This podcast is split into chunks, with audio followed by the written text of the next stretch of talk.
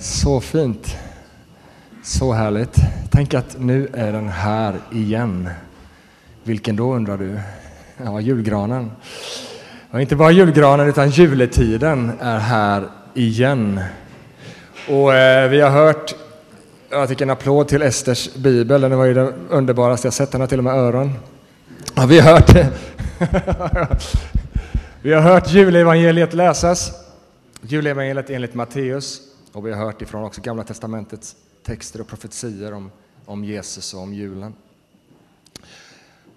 Och när jag tänker på jultiden, liksom, det är så mycket saker runt omkring. Vi kan ha glögg, vi kan ha knäck, vi kan ha julgran.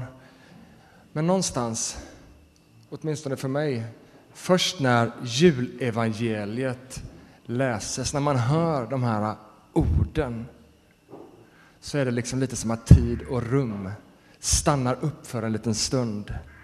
Och vi liksom kan känna på något sätt att här i, i dessa orden, i det här budskapet som kanske låter så märkligt och så konstigt, men samtidigt så bekant för att vi har hört det så många gånger. Men där i kan vi liksom känna att här döljer sig något av det riktiga, av det verkliga, av det episka, det som julen på allvar handlar om. Då visade sig Herrens ängel för honom i en dröm och sa Josef, Davids son, var inte rädd för att ta Maria till dig som din hustru, för barnet i henne har blivit till genom den helige Ande. Och hon ska föda en son och du ska ge honom namnet Jesus, för han ska frälsa sitt folk från deras synder. Allt det här hände för att det som Herren hade sagt genom profeten skulle uppfyllas. Se, jungfrun ska bli havande och föda en son och man ska ge honom namnet Immanuel. Det betyder Gud med oss. Han ska kallas, vad då? Immanuel. Im-anu-el. Med oss, Gud. Gud med oss, om vi skriver om det till vettig svenska. Gud ibland oss. Gud på vår sida. Sug på det. Gud ibland oss. Gud med oss. Gud på vår sida. Se, jungfrun ska bli havande och föda en son och man ska kalla honom Immanuel, Gud med oss. Det är en profetia, alltså en kunskap som Gud lät människan veta, i detta fallet 800 år ungefär, innan det skedde. Innan det hände ett löfte om en räddare. Och det är ganska intressant, jag ska inte alls prata länge idag så ni behöver inte vara rädda, jag ska prata ganska kort. Men det är lite spännande med det här, därför att judarnas bild, jag menar in i den här kontexten där det här budskapet kom, judarnas bild av Gud, det var liksom Gud, han var helig. Ja?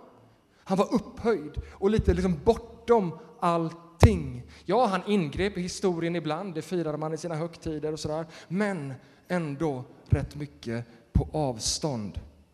För judarna så var Gud så annorlunda att man inte ens uttalade hans namn och man skrev det absolut inte i skrift. Det säger någonting om deras bild av Gud. Och så är det så härligt med det här då.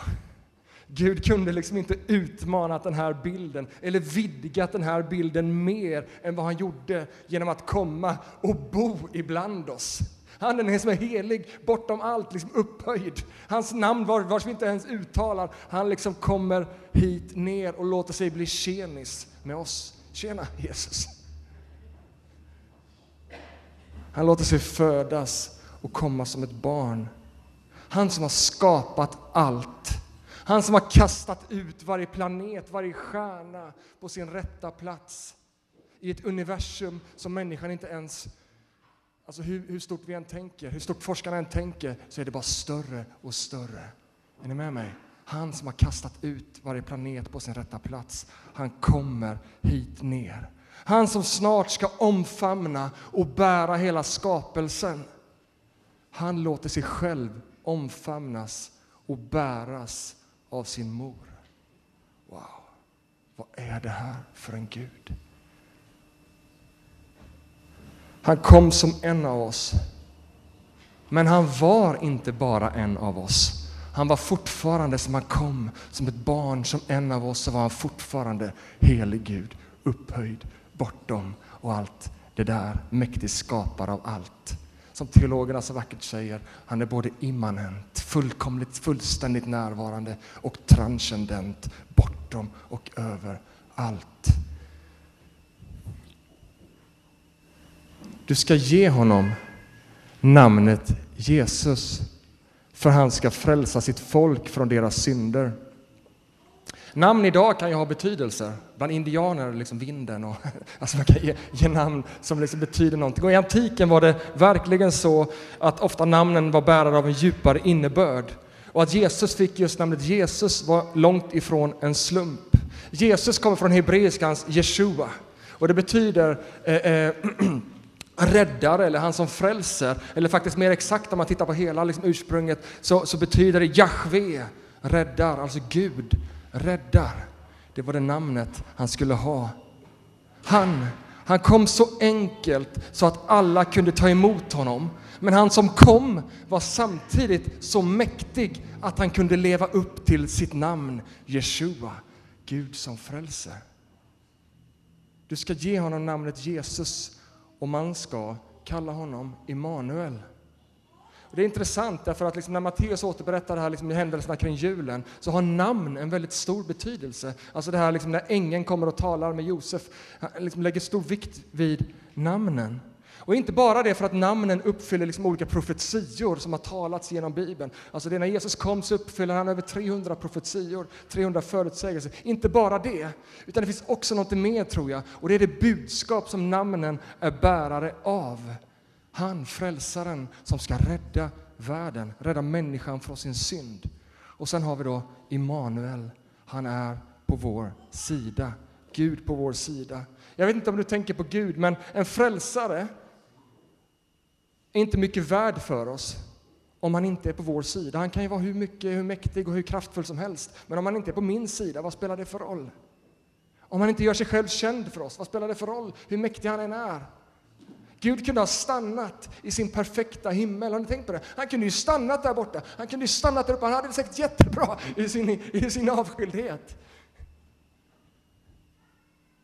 Och vi hade aldrig kunnat ha en kunskap om honom. Vi hade aldrig kunnat lära känna honom. Vi hade aldrig kunnat få del av hans hjälp eller få del av hans gemenskap i sin gränslösa kärlek. Vet du vad Jesaja skriver i Jesaja 64? Jesaja liksom ropar ut i en bön. Gud, om du bara ville riva sönder himlen och komma hit ner. Den här desperationen, vi klarar oss inte själva. Om du vill riva sönder din himmel och komma hit ner. Det var precis det han gjorde. Han rev sönder himlen för att komma ner till dig och till mig. Han kom för att han inte bara ville vara mäktig Gud, bortom allt, överallt, i ensamhet. Nej, han kom för att han ville vara nära oss. Han ville vara känd för oss. Han ville vara en frälsare för oss och han ville vara Gud ibland oss, Gud på vår sida. Han som är helig Gud, han är också högst personlig och intresserad av dig. Ibland tänker jag just på det här briljanta, att han kom som ett barn så anspråkslöst så att vem som helst kan ta emot honom. Han kunde kommit snygg som jag. Och om man hade känt honom kan inte röra. Du har to touch. När han kom som ett barn så att vem som helst kan ta emot honom. Jag hoppas du fattar ironin, ni ser helt förfärade ut. Han ska frälsa sitt folk från deras synder. Redan från början är Guds tanke glasklar. Han kom för att rädda varje människa som vill ta emot honom som sin Jesus, som sin Immanuel. Du vet, du kan spela i ett lag. Men om du inte vet vilka som är dina lagkamrater, då får du spela som om du är själv. Du kan spela i ett lag och du kan tycka att du klarar dig bra själv. Då har du ingen nytta av dina medspelare, eller hur?